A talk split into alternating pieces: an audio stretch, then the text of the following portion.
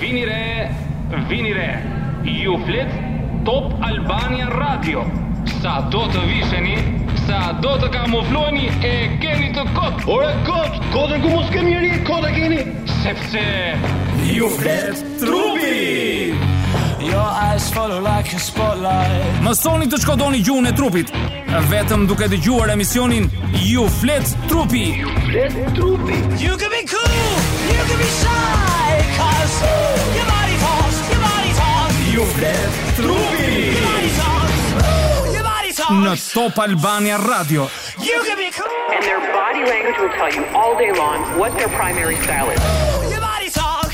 Mirëmbrëma, mirëmbrëma të gjithëve, mirëmbrëma Foni, mirëmbrëma në këtë datë 17 dhjetor. Avash, avash po derdhet dhjetori Foni, u kthyem në këtë të shtunë, për Ju flet trupi për emisionin tonë të famshëm, le ta themi kështu. Dhe ditët e muajit dhjetor i ka të numëruara tashmë. I ka të numëruara Fon.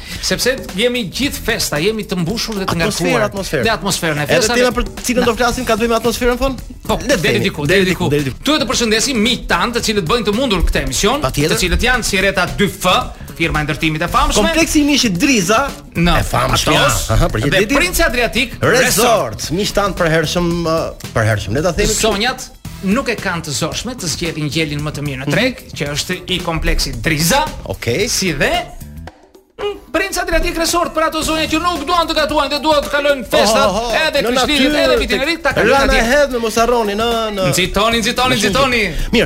Para se të fillojmë për temën sot po. Fon, do më japësh uh, të drejtën të flas për diçka që ka të bëjë me ty. Me ju më saktë. Po. Sepse ajo që ke bërë këto ditë hmm? në raport me dijen, hmm? na emocionon. Dikush tani që po na dëgjon thotë, "Ç'më duhet mua se ç'ka bërë Foni?" Por nuk e kam këtu këtë histori që do të tregoj. E kam tek uh, mesazhi që jep një burrë si puna jote që punon gjithë ditën ke një klinikë për të mbajtur dhe ke marrë një diplomë dhe unë për këtë të përgëzoj Fon si një mesazh i mirë për gjithë ata që duan të arrijnë atë ku duan. Apo jo. Ja? Faleminderit. Sinqerisht faleminderit. Ha, pëlqen kjo? Jo, sinqerisht është mesazh shumë i mirë për gjithë ata. Ndoshta mund të tregosh një çik më tepër, ke marrë një diplomë Fon? Po, po. po. Faleminderit. Suksese, suksese. Rrofsh, po. rrofsh, rrofsh. Mirë, kthehemi te tema sepse i lamë këto qokat, le të themi në njëfarë mënyre. Ne sot do flasim për martesën Fon? Po. Do të flasim për martesën dhe mund ta quajmë si temë mhm. nëse mm -hmm. nuk je i martuar Adi, quhet a ah, është titulli i temës. Nëse nuk je i martuar atëherë mos, mos u marto. Jo, po. po do të themi arsyet pse. Po qëllimkeq duket në militet. Jo, jo, jo. Okej. Okay. Ëm, uh, unë do ta filloja nga filozofi Sokrat, mm -hmm. i cili thotë që edhe në qoftë se je i martuar, edhe në qoftë se nuk je i martuar, Prap ti do bëhesh pishman. Këtë thotë Sokrati. Po e thoshte ai. Sokrati. Është shumë shekuj përpara. Po nuk do t'i mbesim uh, Sokratit, por mes fjalëve të Sokratit ka dhe diçka të vërtetë. Sepse ne vërtet rritemi biologjikisht dhe mm -hmm. bëhemi ata që jemi, ne jemi të detyruar në një çast të caktuar të jetës sonë për të vazhduar specien tonë, mm -hmm. ne martohemi pra ligjërohemi që nga shoqëria, nga prindërit tanë, nga të afërmit, që ne të shkojmë të bashkohemi me seksin e kundërt për të vazhduar dhe për të sjellë fëmijë në këtë botë. Një farë mënyre ma konsumon vetëm nëpërmjet martesës së ligjshme flasim. Institucioni i martesës ma konsumon edhe për këtë domar, nuk po merremi për, për uh, lindjet që mund të bësh jashtë martesës, ha? E një e drejtë tjetër kjo. Ne po flasim për institucione. Po, ajo që ndodh jashtë institucionit, pastaj është tjetër gjë. Ne ma dekonspirove pak pyetjen, por le ta bëj edhe një herë. Pra, pse martohemi Foni? arsyet janë të ndryshme mm -hmm. dhe e para është një detyrë natyrore që ne mhm. bëjmë nëpërmjet duke certifikuar martesën nëpër zyra të caktuara, mm -hmm. duke e bërë legjitime tashmë dhe duke deklaruar partneren tonë ose partnerin ana mm -hmm. tjetër dhe kjo jep legjitimitet që ne të shtohemi brenda komunitetit pa patur një agresivitet për atë që po bëjmë. Kur dikush tjetër këtë lidhje, këtë lidhje ose mm -hmm. uh, lindjen e fëmijës, e cila nga bashkëjetesa e dy njerëzve mund të lindin fëmijë, mund edhe jo, uh, krijon një si thua uh, një status të caktuar në shoqëri, tashmë ti je i martuar, por kjo jo vetëm që të jep vazhdimësinë e species, Qartë. por të jep dhe kënaqësi, satisfaksion spiritual, të themi një kënaqësi shpirtërore, të cilën ne e përfitojmë, qofshim të pasur apo qofshim të varfër, mm -hmm. ne arrijmë të kemi ato kënaqësi si pra, vjen nga libido, na vjen nga Një farë mënyrë i vëm i vëm targa marrëdhënies. I vëm targa marrëdhënies. por është një privilegj që e kanë dhe të varfrit, e kanë dhe të pasurit. Këtë na e ka dhënë Zoti natyra si duash. Mirë, e parë kështu pra martesa si institucion patjetër që mos duhet të japim ndonjë këngë? Po do japim këngë patjetër ja. Të dua, kohë, të dua, kohë. Po pas pak dasmë. Ja pra u rikthyem Von, po flasim për martesën tani e pamë si institucion, po shumë i bukur e parë nga lart, nga anash, nga poshtë etj etj martesën, por unë dua të di problemet që lindin në martesë, Von, pas disa kohë konsumimi. Dëgjo se çfarë do. Në çastet e para që ne njihemi me njëri tjetrin, mm -hmm. ne tregojmë anën tonë më të mirë. Pra luajmë hipokrizi e gjatë. Jo, jo. Po po. Jo, po. Po pra. Okej. Okay. Pavarësisht se ne kemi dhënë shenja që nuk jemi aq të mirë sa dukemi. Mm -hmm. Ne kemi filluar të japim shenja me anë të gjuhës së trupit dhe bisedave sikur na kanë dalë pa dashur dhe nuk i kemi dhënë rëndësi, por ato çaste ne jemi në epshin tonë, në erosin tonë dhe ne çmendemi. Duhet të them për ata njerëz të cilët vendosin të martohen për brenda 3 apo 4 apo 6 muaj të epshit të madh. Dhe kur martohen, mm -hmm. fillojnë problemet. Pra, është ai vrulli i parë. Është ai vrulli i parë dhe fillojnë problemet. Mm -hmm. Dhe çfarë bëjnë? Atëherë fillojnë të shikojnë burrin apo gruan në një trajtë tjetër. Si ka mundësi? Ky futet. Më fal, në banjë, mm -hmm. merr dhe celularin 3 orë në banjë. Kjo rri e pakrehur në shtëpi. Kjo rri me një palë pijama që ikin zvar zvar, nuk është ajo që unë kam parë që më vinte me makiazh e bukur, e kuruar. Pra. E e lëshuar. Kësaj i bie ragoj, apo ky gërrhet? Probleme nga më të çuditshmet. Kjo nuk lan rrobat, kjo s'di të gatuajë. Ama ky ngel në televizor, ky Pra, pastrimi i ambientit, probleme të cilat nuk kanë qenë më, më parë. Dhe çfarë bëjmë? Fillojnë problemet. Dhe nuk vonon që do të vijë dhe divorci, sepse uh -huh. ku është ajo? Është e pritshmëria dhe si e kemi ngarkuar në trurin për atë që do të martohemi. Në qoftë se unë kam parasysh, dhe zakonisht kur martohemi, më të shumtit, më të shumtit, mm -hmm. martohen dhe dashurohen meshkujt, dashurohen me atë grua e cila ka shumë tipare të ngjashme me nënën e tij. Mm -hmm. Po kështu edhe vajza. Edhe kundërta. Martohet me një djalë i cili ka tipare me babanë e saj. Kur këto nuk i vijnë, këto pritshmëri nuk i vijnë përpara tyre, atëherë fillojnë ato grisjet e para, përplasjet e para dhe nuk është e çuditshme që dhe të ndahen dhe shpejt. Në emisionin tjetër do të flas për arsyet pse ndodhin, por gjithsesi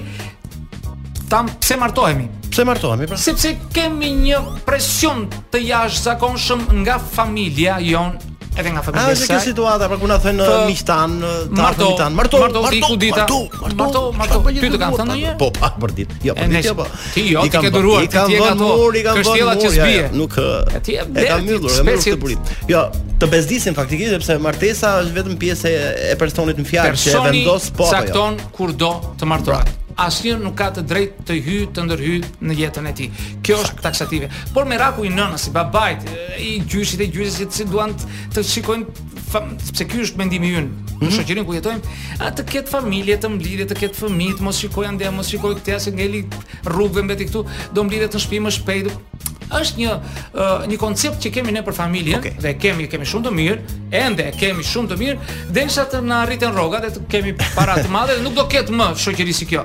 Mirëpo ne ti dhe unë, dhe ata që janë mosha jonë, patjetër që kemi dy eksperienca në epoka të ndryshme ku kemi jetuar, po. pra ndryshe ka funksionuar martesa në diktaturë, ndryshe sot. Kështu që sipas jush dhe atyre që ti Uh, takon në klinikën tënde pra si problem të martesës pra dua të di për kohën e sotme martesa Është në rrezik fon?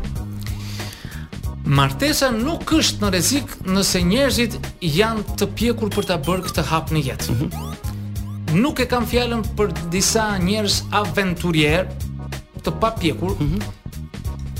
Që e marrin martesën e marrin me shumë shpejtësi. Ëh, uh -huh. uh, kam parë vajza goca të reja, të reja të themi 30 e ca kusur që kanë mbetur si thuash me pretendimin hajt të gjej më të mirin, më të mirin, më të mirin. A, pa, pa, pa, shtem, dhe ëndrra e tyre është të veshin fustanin e bardhë të nusërisë. Po mirë, ëndërr nuk është e keqe. Nuk është e keqe patjetër. Jo, ëndrra e çdo vajze. Në mendjen e tyre patjetër unë duhet të vesh fustanin e nusërisë dhe ka në ato raste ekstreme, po le të ndahem, po le ta vesh njëherë se ka ikur mendja. Po mirë, nuk është. Tani më. Jo, është e drejtë e tyre. Është e drejtë e tyre, nuk e gjykojmë. Mm -hmm. Por më bëtë pyetjen nëse ka ndryshuar, ka ndryshuar. Në qoftë se para shumë vitesh, ë uh, martesa po marrim në fshat dhe në qytet. Mm -hmm. Martesa në fshat bëhej për vajzat të cilat kishin mbaruar 8 vjeçaren, s'kishin ndonjë dëshirë për të vazhduar shkollën e ë e shumta fillonin ato fejesa 15-16 vjeç, 18 kishte mbaruar, ishte bërë nuse, kishte mbaruar, kishte bërë fëmijën e parë. Mm -hmm. Dhe djali në fshat martohej sa më shpejt. Ai e shumta ku ishte kur kthehej nga ushtria, ato muajt e parë kishte mbaruar puna, ishte martuar, kështu. Në qytet ishte më ndryshe. Vajzat mbaronin shkollën e mesme mm -hmm. dhe aty fillonte fejesat, hajde tani sepse në shkollë lartë s'do vesh, të gjesh një punë, po gjithsesi. Dhe djali sa kthej nga ushtria, e shumta, shumta 26, 27 vjeç, kishte mbaruar ai. Pra ishte vënë nuk e di nga kush një orë biologjike për të martuar vonë. Po, maksimum. Po ishte një gjë e tillë. Në qoftë se ti e kaloje 27 vjeçën, flas për meshkujt në qytet, ja. mbete. Nuk të merrte njeri. Po po ngelesh në raft. Dhe ku ngelesh? Po po ngelesh në raft. Mos shiko ti dhe mua që u martuam vonë. Jo, po ti akoma je djalë i ri po. Flas për vete. 39 vjeç është shumë kohë. Nice, po ta kam fjalën që ë kishte një moshë si thua e përcaktuar nga shoqëria e pa bërtitur Por e nxitur që duhet bërë sa më shpejt, ndërsa sot kanë ndryshuar gjërat. Kanë ndryshuar shumë shumë. Po. Ë paraja është ajo që ndryshon gjërat. Janë të tjerë të cilët bëjnë një jetë ë më të lirë, nuk duan të martohen, shkojnë me njërën, shkojnë me tjetrën, jeta personale, nuk i hyn pse e bëjnë dhe ta bëjnë shumë mirë, nëse e kanë gjetur këtë jetë. Në bisedë me ty Foni doli po. fjala mosha, pra ka një moshë ideale për martesë, Foni? Dëgjo. Nëse ka. Ka mosha ideale. Në qoftë se një burrë mund të japë të riprodhojë ose të bëjë të lërë trashëgimtar në një moshë edhe madhore, mm -hmm. edhe 70, edhe 80, nuk po themi, për femrat është cikli është më i ulët. Por po të themi që mirë është, në qoftë se ajo lind në një moshë të përshtatshme deri te 32, 33, është një moshë shumë e përshtatshme. Por Boria e fundit që u bie femrave është te 40. Te 40. Duhet, domethënë ajo është alarmi i fundit mm -hmm. që duhet ta bëjnë sepse natyra ka krijuar si ciklin pra. natyror, ajo nuk mund të vazhdojë gjithë jetën, mirë do të ishte, megjithëse kanë filluar tani këto metodat e reja i in vitro frigorifer i i vënë në konserva ku dëgjon se ç'bëjnë, nuk e di ato do të bëj budallë që po. Është një arsye për t'u martuar vonë nga ata që e shohin të tillë trashëgiminë pra të kenë një ah, trashëgimtar, po, po, trashëgimtare. Po, po, po, po ka nga ata që martohen mhm. për arsye të trashëgimisë. Mhm, mhm, ata thonë të martohem dhe të lë trashëgimtar sepse unë kam një biznes ose kam dy biznese, këtë t'ia lë djalit të parë, këtë t'ia lë vajzës, këtë këtu po duhet që të vazhdojë ky biznes etja për për tregti apo për biznes, do dhe më shumë uh, njerëz që ta përdorin, që ta mbajnë atë, sepse kujt ia lë, kujt ashtu po s'pata fëmijë, domethënë mirë kaloj, po duhet të kem fëmijë. Dhe ky është nxitim shumë i madh që bëjnë. Si pazar duket Fon, ah, kështu larg e larg, thellë thellë. Është drejtë e tyre. Po po, drejtë e tyre. Nuk i hyn dot nëse bën pazar apo bën llogari. Por ne është llogari që secili bën në jetën e tij. Dhe secili edhe unë. Si do që ta bësh një trashëgimtare saj Fon, nuk ka rëndësi. Edhe unë që flas këtu, mhm. që dukem sikur jam më i moralshëm, më më më i ditur e më. Jo, edhe unë kam bërë pazaret e mia. Doja gruaja ime të ishte me këtë profesion dhe zgjodha atë profesion. U ngula në atë, nuk nuk shikoja në në profesionet tjera, doja këtu. Pra kjo është historia e lapsit dhe letrës, pra. Po, laps e, po, letër. Sigurisht laps e letër. Në kohën e sotme. Po në kohën e sotme dhe kohë si do vitë. Po dashuria ku ka mbetur? Po ishte dashuria pra. Por unë qëndrova aty. Okej, okay, mirë. Dashojnë. Pra shënjë sepse do e mbyllim këtë pjesë, për këtë hapësirë. Oh. Që do kthehemi pas pak. Unë, Foni këtu në studio. Ju flet trupi në Top Albania Radio. U rikthyem Fon, u rikthyem dhe tani është momenti për t'i përmendur edhe një herë miqtë tanë të dashur, të cilët janë tre. Do e nisim me Prince Adriatic Resort, është një nga hotelet më fantastikë diku në Rënën e Hedhur, Rana e Hedhur, ta themi në në gegnisht, në Shëngjin. Në Shëngjin pra, një hotel fantastik ku mund të gjeni çfarëdo lloj gatimi. Për festat, për festat është i hapur ka oferta. Merrni telefon, mbyllni ato që duhet të mbyllni. Dhe hoteli, edhe restoranti. Ky nuk mbyllet as dimër, as verë. Dhe kush është shpendi, shpendi i muajit Fon? Dhe shpendi i muajit është shpallur gjeli i kompleksit Driza, Driza, i cili është fantastik. Mis Gjeli le të themi gjeni te kompleksi Driza. Gjeli. Mister Gjeli po. Ne i themi kaposh vlla. Pra, dhe për të gjithë ata që duan të kenë një kompani fantastike për të ndërtuar, është kompania Sireta 2F. Për mhm. shtëpitë e tyre të marrin, le të telefonojnë te Sireta 2F. Mirë, vazhdojmë të gjithë i përshëndesim. Ë, më tregove pak më lart ose jo, pa filluar pa filluar emisionin, më tregove për një fobi që quhet intimofobia. Po, intimofobia. Më trego pak më gjatë për këtë intimofobinë. Ç'do të thotë dhe si lidhet me martesën pra. Shkurt do ta themi, mm -hmm. intimofobia është një dukuri, të themi, mm -hmm. mos i ngatërrojmë njerëzit me fjalë të mëdha, e cila shfaqet te njerëzit të cilët kanë frikë nga intimiteti. Ja.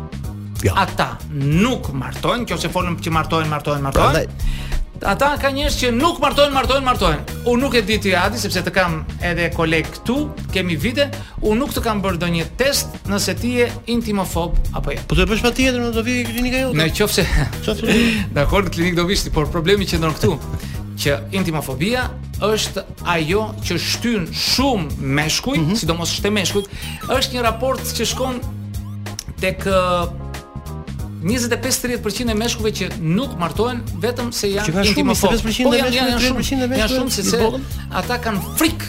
Mhm. Mm të krijojnë një jetë intime me një femër.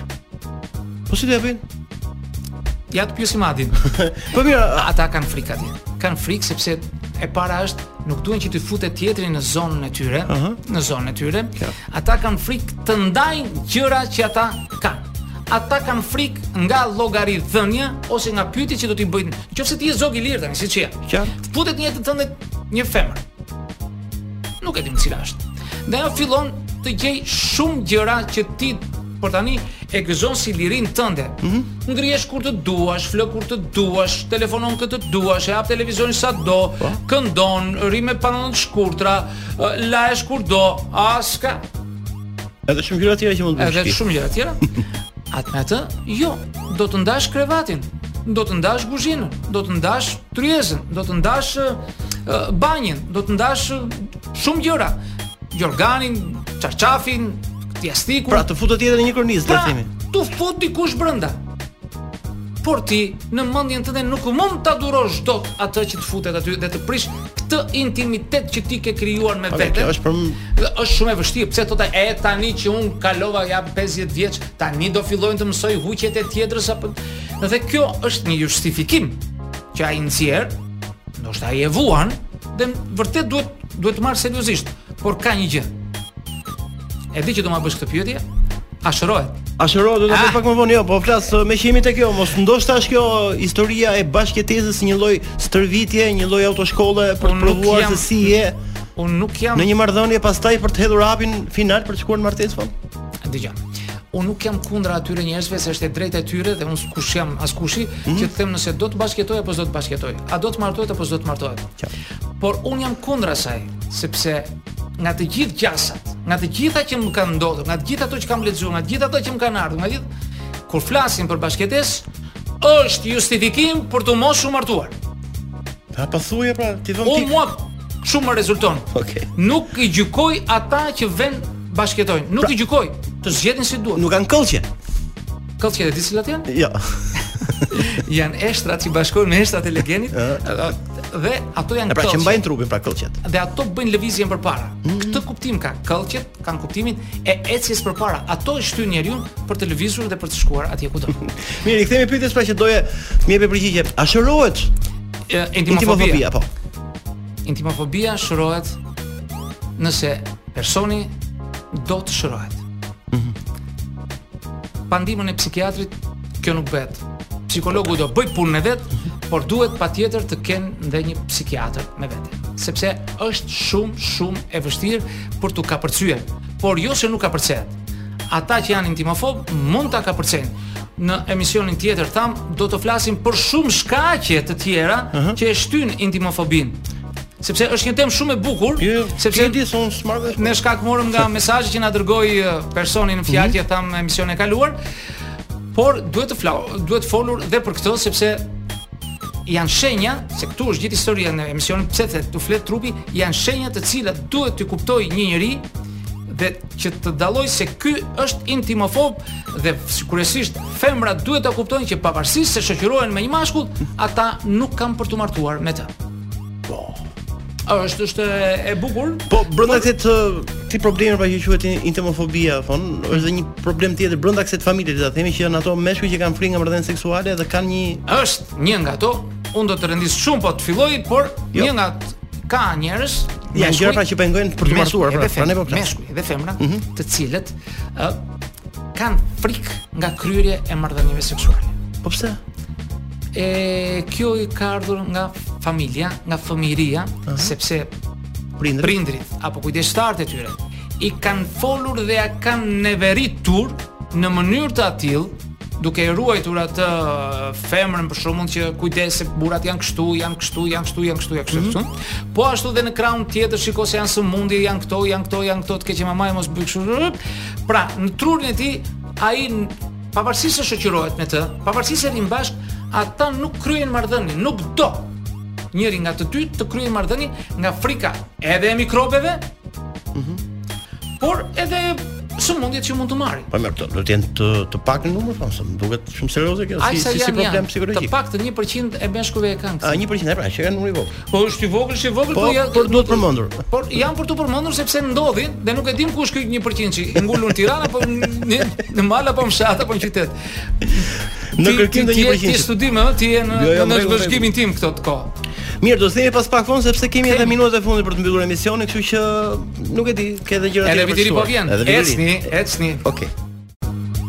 Ja ku u rikthyem Thoma, kështu që do të rikthyem, rikthyem, rikthyem me entuziazëm se janë minutat e fundit. Do t'i vesh pikën gjithë asaj që ne folëm për martesën, sepse nuk ka pikë me domosdo, ja, nuk ka një jo, jo, jo, logjikë përfundimtare. Jo, jo, jo, muaj të tërë, do të flasësh pa fund. Por do të thoshe diçka aty që është e bukur. Njerëzit nganjëherë fjala martesë e kalojnë ai ta bëjnë civile, të shkojnë në gjendjen civile dhe ta mbyllin, sepse ka nga ata njerëz, të cilët pavarësisht se kanë para, Nuk duan të shpenzojnë, e quajnë një budallallëk, mm -hmm. një shpenzim kot të kryejnë atë ceremoninë e martesës me dasma të mëdha, me orkestra, me DJ, ka të tjerë që i nxjerrin fundin, venë marrin borxh, si e si të bëjnë dasmë. Edhe ndahen pas dy muajve i detyrojnë prindërit të venë të marrin borxh, të hyjnë të marrin kredi, vetëm e vetëm që të bëhet dasma e tyre madhështore e dukshme, pavarësisht se pas një muaji ata mund të ndahen.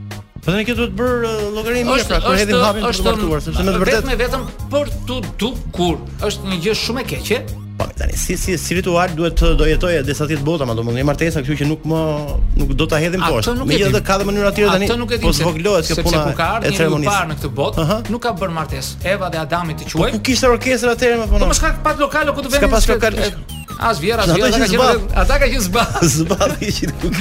Ata kanë qenë mirë dhe s'kanë vojtur nga këto. Kurse ne e shpikëm martesën, mm -hmm. njerëzit e shpikën martesën dhe vazhdojmë ta mbajmë dhe nuk e di se sa do të shkojë kjo si do të vijnë brezat e tjerë, do të jetë më kështu, do të jetë më kështu. Le ta zgjidhin sociologët. M'është dukur Foni sikur për të mbajtur martesën të fortë, pra lindi kjo pjesa e betimit para Zotit në altar. Nuk e di sa e ka mbajtur betimin para Zotit. Jo, nuk është nuk është e thënë se në të gjitha vendet bëhet ky betim në altar. Ka fe të ndryshme të cilat nuk bëhen. Nuk po shkojnë për para një... priftit ose në kish për të kryer atë. Kanë ritualet e tyre dhe ata i zbatojnë dhe kanë gjetur atë kënaqësinë e tyre. Ë ajo mund të jetë edhe hipokrite, dhe në rast në shumë raste ka hipokrizi në çast që mhm. betohen mm -hmm. derisa vdekja të na ndaj, dhe po, sa sapo kthen kokën shikon shoqen e gruas, atë ajo është vdekja në krahun tjetër dhe e mendjen e çon tek ajo tjetra. Pra kjo ishte vdekja, se nuk e kishte përcaktuar cila do ishte.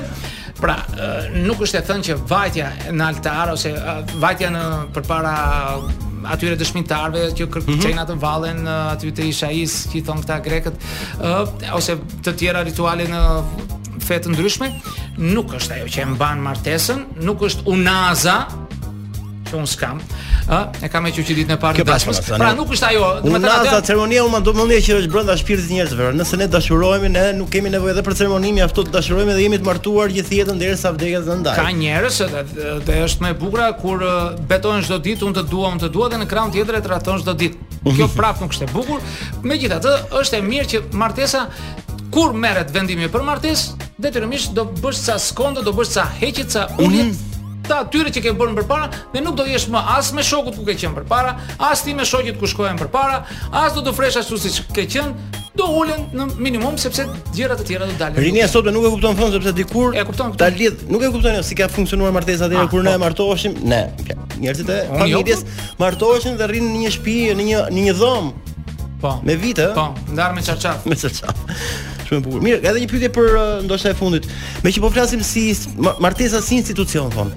Kjo është më tepër pyetje gallat kështu. Në këtë institucion të martesës, kush është ministri dhe zëvendësministri? Që m- mban marrëdhënien e martesës. Oh, është një pyetje shumë e vështirë kush është ministri, kush është zëvendësministri, por po varet. Është ka lënë një herë një orë, ti je në atë tryezën e mbretit Artur, të jenë të gjithë në tryezë të rrumbullakët, e të mos ket mos ket kryetar. Po gjithsesi, ë uh, kjo varet nga natyra e çiftit, nga natyra që do të ketë gruaja apo burri, mm -hmm. se kush është ai që do ta udhëheqë këtë valle. Dhe nuk është turp që edhe ta udhëheq ta udhëheqë gruaja apo dhe ta udhëheqë burri, për mua nuk luan ndonjë rol. Puna është që të lihet hapësirë secilit nga partnerët të thot atë që do, të bëj atë që do, pa e frustruar dhe pa e krijuar bullizëm se un jam ky, jam burri i shtëpis ose gruaja e shtëpis do bëj këtë, do bëj atë. Por gratë janë të zgjuara, dinë se të zgjuara të dalin sipër, edhe sikur e ndan Foni sipas atyre që ka lexuar dhe ka përkthyer Në një martesë pra mëmësia, pra nëna për çfarë ka ardhur në martesë? Vajza, po, qëllimi kryesor, burri, qëllimi kryesor biologjik mm -hmm. i një femre në martesë është që ajo të bëhet nënë. Mm -hmm. Ky është qëllimi kryesor. Pavarësisht në raste ekstreme që nuk mund të ketë këtë fat, por gjithsesi qëllimi është ajo të bëhet nënë. Është një kënaqësi e paparë edhe për babanë sigurisht, për mashkullin, që të ketë një pasardhës të tij. Dhe po të flasim, nuk e di sa sekonda kemi. Edhe pak. Ë shumë shpejt. Është një nga mënyrat që ne të jetojmë në vazhdimësi për të sfiduar vdekjen, është që ne të lëmë pasardhësit tanë. Kurdo, e tha. E shkarkoi Foni gjithçka që duhet të thotë. Mirë, e mbyllim atë që nisëm uh, si batutë, Foni është shumë interesante pra, edhe si temë e këtij emisioni të sotëm. Pra, nëse nuk jemi martuar atëherë,